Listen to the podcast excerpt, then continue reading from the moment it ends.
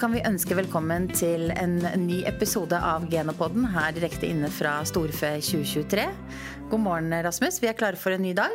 Det er vi, vet du. Ja, Det er Rasmus Langered dere hører, og meg, Oda Christensen, direkte da inne fra Storfe 2023, hvor vi har laget et eget podkaststudio her på et hotell på Gardermoen. Det har de ikke hatt her før. Nei, det skulle bare Genopodden til, vet du, så Ja, ja, ja. ordner de dette. Eh, og vi er så heldige at vi kan da få lov til å invitere dyktige gjester eh, inn i vårt podkaststudio her. Og det har vi gjort nå, eh, det er andre dagen. eh, Med gode, gode gjester og, og veldig riktige temaer, syns jeg. Jeg har Absolutt. fått mye bra informasjon. Så hvis man ikke har hørt på de foregående tre podkastene fra Storfe 2023, så bør man jo gjøre det nå. Ehm, Men vi har nå fått med oss eh, to eh, dyktige damer som vi har henta fra Tine og Geno. Vi har med oss eh, Heidi Skreden fra Tine, som innehar en ny tittel nå fra 1.11. Gratulerer. Takk, takk. Spesialrådgiver i forskning og fag. Ja, Ja, det er spennende. veldig. Vil du fortelle litt mer om deg selv òg? Det kan jeg gjøre. Um, før jeg hoppa over til fag og forskning nå, så har jeg jobba som foringsrådgiver i Tine. Så historia mi er der. Um, og har primært jobba med AMS-besetninga. Og prøvd å optimalisere drifta der så godt som mulig. Men uh, nå er det mer forskning på tapetet. og litt mer eh, tunnelsyn på noen få temaer, i stedet for å farte rundt på bygda og, og hjelpe mange bønder. Så blir det mer konsentrert på ett tema, kanskje noen få. Så det blir spennende. Veldig spennende. Ja. Og på andre siden av bordet så har vi med oss eh, Eli VM Kroksti fra Geno. Hei, hei. Hei. Som er eh, prosjektleder innenfor fôreffektivitet eh, og metanforskningen vår. Ja, det Ja. stemmer. Vil du også fortelle litt mer om deg selv, eller? Ja, jeg har eh, drevet dette prosjektet her nå snart i tre år, ikke nå. Eh, Så nå begynner vi å nærme slutten, og det er snart så det går over i eh, drift. Så det blir veldig spennende. Så eh, ja, jeg tror kanskje det er greit, jeg. Ja, å stoppe der. Ja. Temaet vårt i dag, Rasmus? Nei, det går, Vi viderefører jo litt eh, dette her med bærekraft og klima. Men i dag skal vi liksom dykke litt ned i dette med hva som skjer i vomma. Altså metanutslipp fra kua og fôreffektivitet. Og kommer litt inn på dette utprøvingen av metanhemmere. Ja, og da var jo jeg litt sånn For at jeg som da ikke er eh, verken forsker eller eh, Ja, jeg kan si at jeg er litt uh, dummy inne på dette her. Så måtte jeg jo spørre Heidi hva er, hva er metan? Denne gassen som vi hører mye om. Metan er et, er et biprodukt, egentlig, som foregår eh, som et resultat av nedbrytning i vommet. Eh, mikroben bryter ned fiber og produserer i den sammenheng hydrogen og CO2. Og så er det noen andre mikrober som kommer inn og sveiper videre på den jobben. Eh, ved hjelp av enzym, og da danner, danner metan etterpå da, eh, av hydrogengassen og CO2.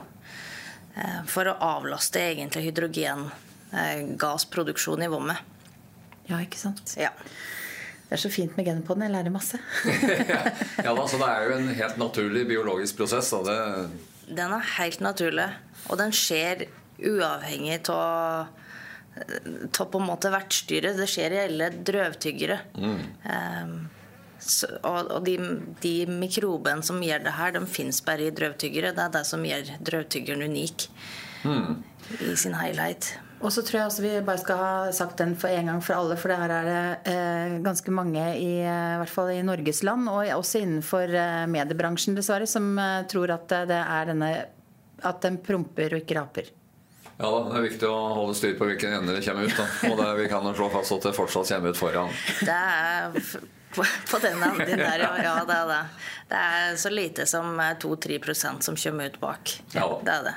Og det aller meste skjer gjennom raping. Mm. Det er så vidt det er på, på en måte gjennom utånding ved at det har ved at metan har gått over i blodet og så til lungen og så kommer ut via pusten. Men det aller meste er at kua raper, og det gjør hun ofte. Det er knapt 40-45 sekunder mellom hvor eh, prosess. Så det er ganske ofte. Så Jeg er glad ikke oss uh, raper så ofte. tenkte at det var helt greit. Jeg vet ikke hvor lenge vi hadde hørt ut på, på podkaststudio. for, det, for det er ganske store mengder med gass, altså i volum, liter. Ja, og det er jo disse her mengdene her som du, Eli, nå er involvert i jobbinga med. Og du kan si litt om på en måte eh, hvorfor en har tatt tak i akkurat det med fòreffektivitet sammen med metan, da, og, og, og hva avlen kan bidra med her?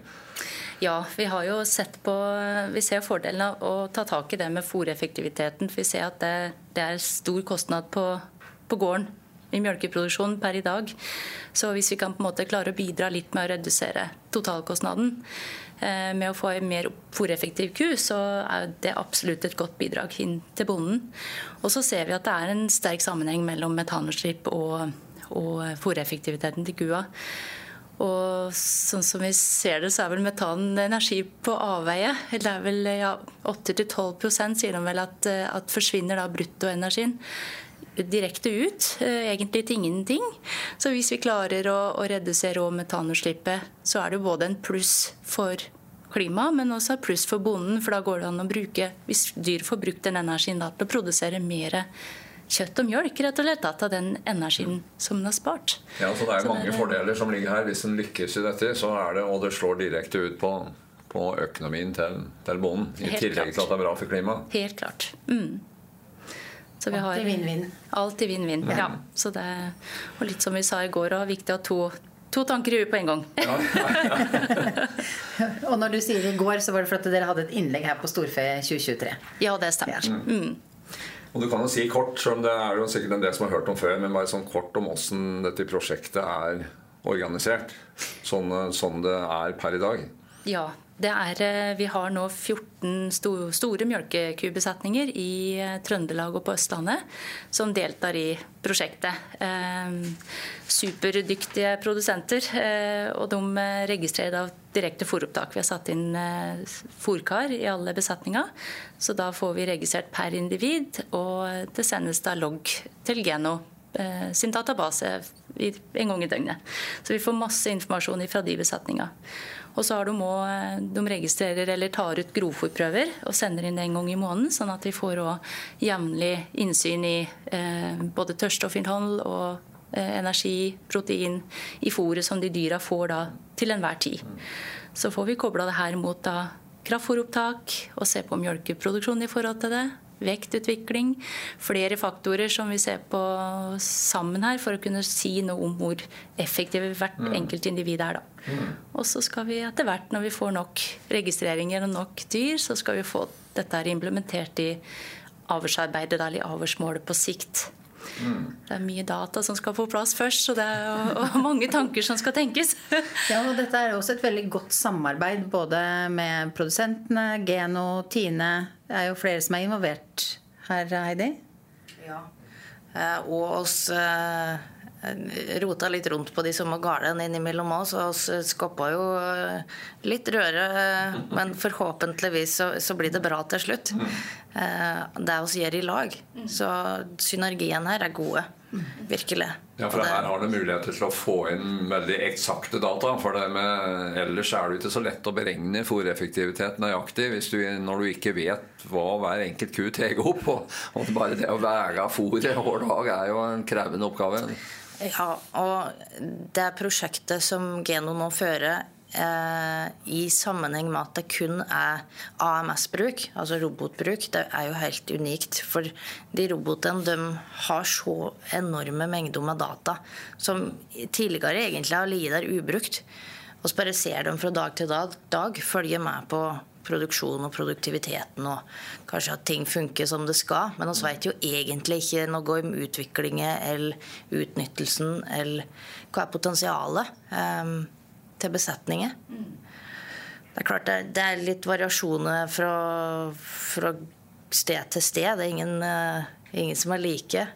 Heldigvis. Det er jo en, en del av det som er løye oppi alt dette her. Men uh, det, det blir et det blir et unikt og spennende prosjekt til slutt. Når det er ferdig. Absolutt. Mm. Litt som du sier, Heidi, så er det jo fordelen ved å drive såpass bredt og ute i konvensjonelle besetninger, er at du får forskjellige ja, det er fra forskjellige geografiske områder. Grovfòrkvalitet er forskjellig. Det vil det uansett være fra år til år. Det ser vi spesielt i år, kanskje. Eh, og det er forskjellig management, så sånn sett så får vi et veldig bredt spekter å få data inn på. Så det, det er veldig bra. Mm. Og jeg er jo veldig glad for at vi har uh, dyktige produsenter som også er villige til å stille opp uh, når, vi, når, vi, spør om de vil hjelpe oss uh, med det som skal jobbes med for fremtid. og jeg har tatt en liten prat med en av produsentene som har, virkelig har gjort det. Hans Petter Aurstad fra Kjos gård.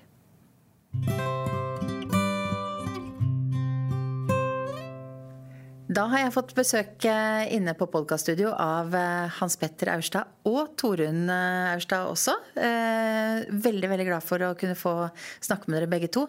Hans Petter, dere er mjølkeprodusenter.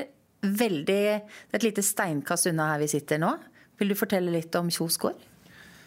Ja, det, vi driver da en, en, en mjølkeproduksjonsgård på ca. 60 årskur. 500 tonn kvote. Eh, på Romeriksletta. Eh, på toppen av Ravine. Eh, ja. Og som jeg også eh, sa rett før dere kom inn her, dere har virkelig vært med på en, og er med på en reise når det gjelder prosjektene inne rundt både metan, fòreffektivitet og metanhemmere. Vil du fortelle litt om det, Torunn? Jo, det er jo nå snart to år siden da. vi installerte fòrkar i regi av Geno. Så det begynner å bli en god del data fra våre kurs som blir bli samla inn. Og så har vi jo i forbindelse med det fått lov til å være med på et mm, metanhemmeprosjekt. Eh, hvor man skal måle hvor mye metan man kan redusere ved forskjellige tilsetninger.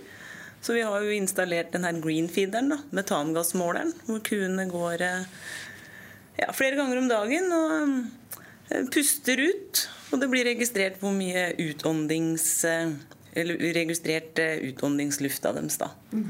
Så det er, det er, veldig interessant. og Det er morsomt å få lov til å være med på et sånt prosjekt. Det er det. Og For dere som da ikke ser uh, Hans Petter, så har dere sannsynligvis sett dem i, en del, i, en del, reklamer med Fremtidsmelka. Hvordan har, hvordan har tilbakemeldingene vært fra andre produsenter, f.eks.? Det har vært hyggelige tilbakemeldinger.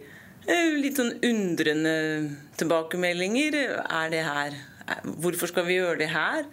Eh, er ikke kua i Norge grønn nok som hun er? Eh, hva slags type stoff er det? Får dere noe mer betalt? Tar det lang tid? Hvordan er stoffet? Osv. osv. Veldig mye uvitenhet. Jeg tror det er et enormt behov for, for mer kunnskap. Mm. Og hva syns, eh, hva syns dere som produsenter sjøl? Hva, hva, har vært eh, lærdommen eh, inn i prosjektet så langt? Det er spennende. Det er spennende. Vi, jo, vi, visste jo like lite som alle andre om dette før vi begynte. Men, men vi, vi, går inn i dette med åpent sinn. Vi, vi er jo All forskning er bra forskning inngangen på det. Og så, så, blir det jo spennende å se da, om vi får de resultatene vi vil ha. Og kanskje vi finner ut at dette trenger vi ikke når vi gjør opp eh, regnskapet. Men, eh, eller at dette er eh, veien videre. Det, så det blir, det blir spennende. Dataene begynner så smått å rulle inn til forskerne nå, så, så vi venter i spenning. Hva er det viktigste informasjonen du tenker at folk skal sitte igjen med hvis at de hører eh, lytter på denne samtalen her eh, når det gjelder eh, kunnskap? Jeg tenker det at, at det, er, det, er, viktig å, å, være med og bidra til at norsk landbruk Eller vise at norsk landbruk faktisk tar klima på alvor. Og at vi prøver på forskjellige måter å lage et mindre klimaavtrykk. Og, eh, og, sånn som En av hovedgrunnene da når vi hadde det rødalgeprosjektet, så var eh, dattera vår i Aftenposten Junior. Eh, fordi at det er veldig mange ungdom som, som er opptatt av det her. Og man er kanskje redd for å drikke mjølk, man er redd for å spise kjøtt. Og det å kunne være med å bidra til at det er Norsk kjøtt og mjølk er trygg. Og det tror jeg er viktig. Mm. Dere har ikke angra på å være med på dette prosjektet, Hans Petter? Eller eh, jeg vet, det er nesten litt sånn at Jeg tør nesten ikke å spørre, for jeg veit at det har rent mye folk eh, inn på gardstunet og inn i fjøset. Og dere bruker mye tid på det her, så det her settes jo veldig pris på. Ja, nei, det, det har, vi har ikke angra. Eh, og så har det jo Det har jo gitt oss noen muligheter som fælt få andre får. da, At vi kommer i kontakt og med folk du ellers bare knapt nok ser på TV. Det er nærmest du får dem. For det har vært noen, har vært noen eh, kjente navn og, folk på, på, tunet? Ja, det er vel, vi har aldri hatt så mye fine svarte Mercedeser på gården. det er veldig ålreit, syns jeg, når, når Norgesgruppen f.eks. har lyst til å komme og, og lære om prosjektet. da og at vi da kan vise hva, hva norsk landbruk gjør. Mm. Og det er klart at De ser jo på selve prosjektet, men de ser jo også på hvordan dyra våre ser ut og hvordan vi driver. og sånn, Så vi må jo kanskje skjerpe oss litt mer, vi òg. Og det, det tror jeg er positivt. Ja, Dere bidrar veldig til riktig informasjon om, eh, om, landbruket. Eh, og at dere også er så åpne og ja, eh, åpne fjøs og viser og, og, og, ser hele helheten. Så det settes det veldig stor pris på. Er det noen siste tanker dere har lyst til å dele med oss i dag? Ja, jeg tror, jeg tror det er veldig lurt at disse Sånn type forsøk blir, eh, blir satt ut i et, eh, et realistisk scenario, eh, så vi får, får, ekte tall med en gang. Og det, vi er på en måte ingen, ikke flinkest i klassen, og forhåpentligvis ikke dårligst i klassen. Så vi, vi, gjenspeiler kanskje et, et, slags gjennomsnitt. Og da, da blir, dette blir mer realistisk i forhold til å gjøre forsøk i lab. Tror jeg, da. Så skulle vi gjerne hadde vært Så er vi i fòreffektivitetsforsøket, så er vi jo Dette er 14 besetninger. Med, så det blir en god spredning på. Så håper vi at uh, etter hvert uh, metanbiten uh, blir fordelt på like mange. Så, så vi får mer sikre tall. For å basere alt på én besetning i form av våres nå, det blir jo litt, litt tynt. Mm. Eh, her er det mange muligheter. Veldig fine refleksjoner. Tusen, tusen takk for eh, en rask, liten samtale. Jeg håper at vi kan få lov til å invitere dere til Genopoden også senere. Eh, og kanskje vi kan få lov til å invitere oss inn på gården. Jeg kan ikke love en sånn svart Mercedes, Hans Petter, men, men, men vi, vi, vi, får komme så standsmessig vi kan. Tusen takk.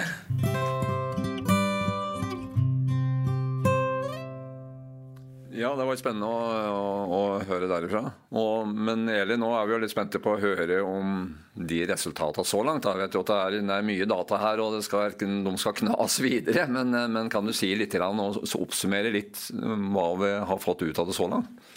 Ja, nå har vi eh, fått inn eh, På, på metansida så har vi jo samla data lenge, egentlig. Helt siden 2019 så hadde vi med en eh, del andre gårder enn de vi har med nå, som har hatt metanmåler. Og vi har fått levert rundt 370 000 godkjente registreringer på over 800 dyr. Så med det datagrunnlaget så, så har vi kunnet sagt funnet nå arvbarhet, og den er jo på 0,34. Og det vil jo si da at vi har kan, eh, det er veldig god mulighet til å drive avlsarbeid. Det, er en eh, høy arvbarhet i forhold til eh, en del andre egenskaper som vi òg driver avl på? Ja, helt klart. Så, så, det tilsier jo at vi har over 30% av variasjonen da, i, i utslipp. Det skyldes arv. Mm. Så, så det, er, det, er, kjempebra utgangspunkt for å kunne trekke det inn da, i, et, i avlsmålet på sikt. da. Mm. Eh, og vi har kommet fram til et, utslipp på rundt 420 gram per eh, ja, per dag. Eh, per ku. Hvordan er det tallet i forhold til hva vi har sett av tall fra andre, andre land, f.eks.? Eh, det ligger omtrent på, på, riktig nivå eller vi skal si, det, eller på det andre forsøk som er gjort internasjonalt tidligere. Men vi ser nok en litt høyere utslipp på, på Holstein. Og det har jo litt med type ku, eh, størrelse på ku, vedlikehold som er oppi det hele. Og ja, det er mange faktorer som spiller inn. Men det ser veldig fornuftig ut da, på en måte i forhold til andre ting som er gjort før. Ja, ja, ja. Absolutt. Ja. Så, så det er bra. Og på, fo- på fôropptak, fôreffektivitet, og mm, hva er liksom hovedfunnene så langt der? På, er det Der ser vi eh, Vi har på en måte fått bekrefta at eh, de snittallene vi har funnet, da, eh, er på linje med det rådgiverne ser ute i besetningene, eller det de har tenkt da, i forhold til sin fôringsplanlegging. Så at den ligger på oppunder Vi har et snitt da på ca. 35 kg grovfôr per ku det første året vi drev forsøket. Og når vi tar med da i tørrstoffprosent både kraftfôr og grovfôr, så ligger vi på rundt 20 kg tørrstoff. God variasjon eh, i de besetningene som er med de dataene vi har fått inn. Godt tegn. Og her òg har vi funnet arbeid på det med tørrstoffopptaket. Eh, og det å ligge på nesten 20% Så her òg er det, Det er godt brukbart. Absolutt. Godt utgangspunkt for å kunne avle på. Så blir det jo nå eh, spennende å se, fordi vi er nødt om å, å se på hvordan dette her korrelerer med andre egenskaper i, i avlsmålet. Det blir kjempeviktig. Eh, og ikke minst da se på andre delegenskaper som inngår i fôreffektivitetsbegrepet. For det med energiinnhold i fòret, korrigere for det i forhold til eh, hvor mye hun mjølker, for å se litt på og selvsagt innholdet i mjølka òg. Se hvor effektiv hun egentlig er. er jo en del av de tinga, eller noe av det vi skal se på framover nå. Da. Mm. Men du Heidi, som eh, rådgiver, kan du si litt om hvor mye økonomi det ligger for bondene her i det med, med fòreffektivitet? Det er ganske mange kroner og øre som ligger i det begrepet, og ikke minst det å ha en suksess med det i praksis. Um, ei fôreffektiv ku uh, på papiret vil vise at hun er sunn og frisk. Det er på en måte utgangspunktet. Har du et godt tall på fôreffektivitet, så er ku eh, toppidrettsutøveren. Da er det, med, er det Marit Bjørgen eh, ganger 30 ja. som springer rundt i fjoset. Så det, det er, er sjølsagt hovedpunktet. eh, at at ei frisk ku har godt fôropptak og produserer godt med mjølk. Um, og et det hun skal. Hun klarer å oppsøke fôrbrettet og går til de kraftfôrstasjonene og roboten og eh, fungerer bra i systemet. Men samtidig så, så handler det òg om at bonden har gjort gode valg i forhold til grovfòrproduksjon. Kanskje rett kraftfôrvalg. eh, Lagt opp gode strategier i fjoset sitt og gjør ting til rett tid. Mm. kanskje en, en liten fasit her. Det er viktig å gjøre. Spesielt ja, på AMS-bruken, for da er det litt like, eh, Altså Nøyaktigheten må være der. Du kan ikke vente for lenge med ting. Da, da beller det på seg, dessverre. Det dreier seg en del om å ha gode rutiner som gjennomføres på en måte hele, hele tida. Ja ja, det er det. Og sjøl om fleksibiliteten i et AMS-fjos er større enn på et båsfjos, så, så betyr ikke det at du eh, kan sluntre unna i forhold til fôringer lell. Så det er, det er alfa og omega å få flyten i fjoset til å funke i, i et fôreffektivitetssystem. Altså hvis du ønsker gode tall der, så må du få fjoset til å funke. Det er god trafikk og godt fòropptak. Og ja, om du har automatisk fôring eller ikke, det, det spiller på en måte ikke noen rolle så lenge det er nok fôr. Og det er godt, godt nok fôr til å drive, drive det slik du vil i forhold til kraftfôrvalg og strategi og mål. Eh, Det er ikke alle som ønsker ei ku som mjølker 12 000. Kanskje det er 8000 som har mål, og da er det en annen strategi. Og det ser dere sikkert spredning på i prosjektet òg, at det er forskjell på ytelse. Og det blir da òg forskjell på, på fòreffektiviteten. Men du kan ha effektiv ku som ikke mjølker så mye, og du kan ha effektiv ku som mjølker utrolig mye. Så det kommer litt an på hva man putter inn. Ja, og Der er det viktig på en måte å se på hvilke ressurser en har, og sette seg, på en måte finne ut hva som er det riktige for en sjøl på den, ut ifra den, på den garden. da. Ja. Og, så, og så oppnå det målet. Ja. Og ikke det- ikke kikke på nødvendigvis på andre. Nei da, så det er, det er garden sine egne rammebetingelser og ressurser som, som ligger til grunn. Og så er det målen du setter, valgen du tar. Rase kan jo være et spørsmål. Eh, og et valg en kan ta i forhold til fôreffektiviteten. Det er nok ganske stor forskjell på en Jersey og en Holstein der. Ja, det Ja da. tror jeg. Mm. Eller er det bare én rase, eller? Det er vel egentlig det, men det Men, men det, det mange spør om, er når, når kommer det avlsverdier på, på fôreffektivitet og metan? Et veldig godt spørsmål. Nei, Vi tør ikke å love noe per i dag. Vi gjør ikke det. Det er eh, mange ting som spiller inn, men eh, vi jobber hardt med saken. Nå er det på en måte å få dataflyten og kvaliteten på data eh, først på plass. Det er kjempeviktig for å få vite at vi har de resultatene som Eller få riktige resultater, da, og få god dokumentasjon. Eh, og så blir det å, å, sette seg ned og, og, begynne å regne rett og slett da, på, på ulike modeller. Mm. Og se på alle de elementene som, vi, som, er riktig å ha med inn i en sånn modell. Da. Apropos det at det er så komplekst at vi må vi må virkelig bruke god tid på å vite at vi kommer Det var nesten politikersvar, det. Ja, det var det. kan fortsette litt til. Men altså, hvis du skulle tippe, altså, hva, hva, tror du nå er realistisk på en måte sånn å antyde? Vi kommer, ja, vi kommer nok til også å se på delegenskaper da, som kan på en måte implementeres. Ja. Ja, nei, Jeg syns det er vanskelig å si noe eksakt også. Eh, men eh, at vi kan få kanskje noe på plass i løpet av neste år. Eh, mm. slutten av neste år, mm. helt konkret. Men det, det, som er litt sånn utfordrende, er jo at vi må ha nok antall dyr for å kunne implementere. Mm, ja, ja. Data på nok antall ja, dyr, da. Selv om vi har nå genetisk seleksjon som vi òg kan bruke, eh, som vil gjøre det mer effektivt for oss. Så mm. Og uansett om, om, når det kommer, så er jo avhør noe som tar litt tid. Men, eh, men, eh, nå er det jo òg pågående en utprøving av, av, tiltak som har mer, eh, mer rask effekt. Og det er jo altså mulighet til å ha tilsetninger i fôret som griper direkte inn i, i, aktiviteten til disse mikrobene og reduserer metanproduksjon. Og, og det kan du kommentere litt rundt det, Heidi? Jeg kan prøve. Ja. ja for dette, dette, er jo dette uh, ordet metanhemmere. Ja, ja, og det er vel sånn konkret et, eh, altså Bouvier, er ikke det som er navnet på den som nå konkret utprøves? Det er den vi prøver nå, ja. Mest i Norge. Da har mm. jeg prøvd eh, rødalger òg. På et lite forsøk på Kjos i 2022.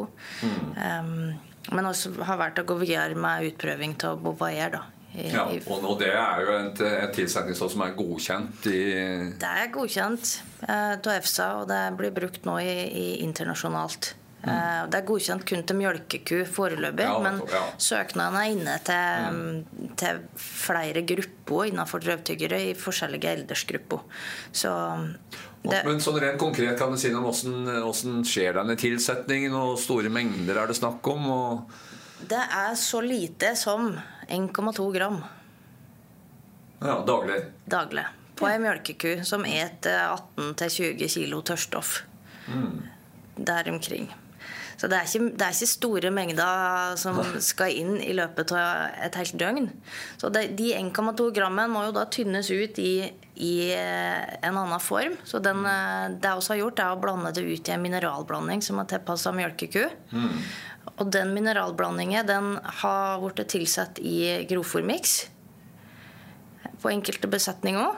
Um, og så i det langtidsforsøket som vi prøver å komme i mål med nå, så, så fôres det ut i lag med kraftfôret i kraftfòrstasjonen. Så der blir det dosert mm. ut når ei ku besøker kraftfôrstasjonen. Hvordan er erfaringen så langt liksom, i forhold til ja, først med metanreduksjon? Og det finnes jo internasjonal utprøving på dette òg, men i våre, våre tall, hvordan virker det så langt? Våre tall er lavere enn internasjonale tall, og det har med sammensetningen til fòrrasjonen mm. vår. Her uh, slår oss ikke nødvendigvis før gresset har skutt. Så vi har, har, mye fiber i gresset vårt, og det er årsaken til at vi ikke ser de samme resultatene mm. eh, i Norge som i utlandet. Vi har ikke maisen å fôre. Og så har vi òg en tendens til å, å fôre grovfôr og kraftfôr separat. Så vi har en mm. delt fôrrasjon i løpet av døgnet som, mm. som er der hele tida, permanent. Det er, ikke, det er ikke så mange som fôrer alt på fôrbrettet, slik at kua dekker hele fôrbehovet sitt der. Nei, for altså Internasjonalt har jo vært versert liksom resultatet helt opp i 30% men da under norske forhold snakker vi om nede på 15-20 eller noe i det området? Det er korttidsforsøket som ble gjort uh, på Kjos uh, i 22. over 30 dager. Der finner vi alt fra 12 til 16% på besetningsnivå. Da prøvde det ut da. Eh, og Da ble det blanda i en fòrmiks, og det, det, ser ut til å være en ganske gunstig løsning. Eh, fordi en metanhemmer som Bovaer bør tilføres så ofte som mulig for at det skal ha virkning. Fordi den, den virker fort, men den slutter jo å virke ganske fort. Ja, ja. ja Så det er bare en tre-fire timer, så er, er, det, mm. er det, over. ja, så det, det, er ikke noe lang virkning av det i vommet. Så derfor, derfor uh, må vi prøve ut litt ulike løsninger i ulike fjos for å se hva, hva vi kan klare å få til i Norge med de forutsetningene vi har her. da. Men ikke sett noen negative effekter på kua i forhold til fôropptak eller altså mjølk, sammensetning eller noen sånne ting? Ingenting på Bovaer, nei. nei. Men det har jo vært litt styr rundt dette, og det har jo vært noen som har veldig større reaksjoner på dette. Man kan jo kort bare kommentere på en måte da, Ja, det har vært en del støy rundt det. Og det, det, det er klart det er forståelig at det stilles spørsmålstegn ved at vi har et tilsetning som vi bruker eh, for å redusere gass i vommet på ei ku. For at den skal bli mer klimavennlig. Og det er jo ikke, det er jo ikke kue, stakkars, som er skyld i, de klimatiske utfordringene vi har. Men eh, hun kan være en ganske stor del av løsningen. Og hvis vi klarer å oppnå en del av ja, vi må ikke klare alt. Og så sette oss, sette oss som mål. Så hjalp det så voldsomt med bare litt grann endring òg. Mm. Og det er, ikke, det er ikke noe um, skummelt i utgangspunktet, det som skjer med Bouvayer. Det er, er to ganske naturlige produkter som er sammensatt mm. under høy temperatur. Og når det her kommer inn i kuet, så, så bryter kua det her ned til naturlige bestanddeler som hun bruker videre. Så det, det, er ikke noe Relativt harmløst. Ja, det er ikke noe hokus pokus. Ja, for Det som jeg har hørt litt om, er jo at det er noen som tror at eh, Og det tror jeg kanskje har noen ting Men altså at vi sier metanhemmere. At man da holder noe av eh, luft inne i, eh, i magene til kua. Så ja. vi faktisk liksom eh, gjør at de ikke eh, promper eller rapper ja. Eh, så mye som de egentlig skal naturlig. Nei, Kua får ikke trommeskyttertall. Nei, hun gjør, hun gjør, faktisk ikke det. Så, men, men jeg må spørre deg det samme som spurte Eli. Da, liksom, og når ser dere før dere at dette kan bli tilgjengelig på en måte til, for, eh, på, i markedet for noen som vil bruke det? Målet vårt, eh, som kanskje er litt hårete, er jo at alle melkekyr skal ha det innen 2027. Mm. Ja. På en eller annen måte. Mm. Ja, nei, men Det var et veldig konkret og godt svar. Og det blir spennende å se. Ja, det blir spennende å se, men det krever en del utprøving. Og, og da, da, har oss metanhuben, der hele bransjen eller alle i næringen er, er, med, enten i prosjektgruppa eller i referansegruppa. Ja. Så vi skal, skal, få prøvd ut mye og skal komme langt. Mm. Um, Nei, men Det er jo betryggende og artig å høre om aktiviteten. Og ikke minst at det nå skjer sånn med samle ressurser. da, sånn På tvers av organisasjoner. på en måte At det er hele næringa som jobber, jobber, med disse tiltakene. Ja, men, at kua kan bli en del av løsningen, som det Eide sier. òg. det er, ja, det er jo ja, det som Ikke bli, som ikke være, Hun har er, vært hele tida. Det har hun. Nei, men nå da, vi, vi, kommer stadig til kort med tida vår og må bryte av interessante samtaler. Og sånn nå.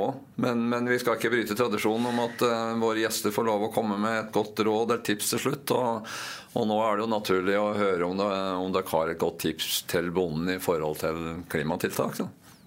Et, et kort tips. Det aller eh, beste tipset jeg kan komme med, er å, å helle god dyrehelse i besetningen. Det mm. Sunn og frisk ku er det mest produktive vi har. Det er vel ikke du uenig i, eller? Nei, det er veldig godt, godt svar. Bruke de, eh, både de hjelpemidlene og rådgivende eh, muligheter vi har òg i forhold til både på ernæring og på, på oversida. For det gjøres godt arbeid på, på begge områder eh, til bondens beste. Og, så mm, det er det kanskje det viktigste. Mm. Kjempefint. Jeg hører at vi skal, disse damene skal vi invitere oftere, Rasmus. Ja, ja. Så eh, vi Om ikke hit. ja, Om ikke akkurat på det, i dette rommet på Gardermoen, så skal vi i hvert fall møtes i andre, i andre podkaststudio. Vet jo aldri hvor, vi, hvor Nei, havner. dukker opp. Ja, det er, eh, vi har med oss en, eh, en veldig fleksibel tekniker også, så han eh, tar vi med oss litt rundt omkring. Ja. Lars smiler her for dere som da lytter. Tusen, tusen takk for at eh, dere stilte opp. Eh, vi sier eh, takk for oss i denne omgang. Denne pod-episoden hører du selvfølgelig på alle steder du finner pod ellers. Og den ligger også med lenke inne på geno.no. Da sier vi bare takk for nå. Ja, tusen takk.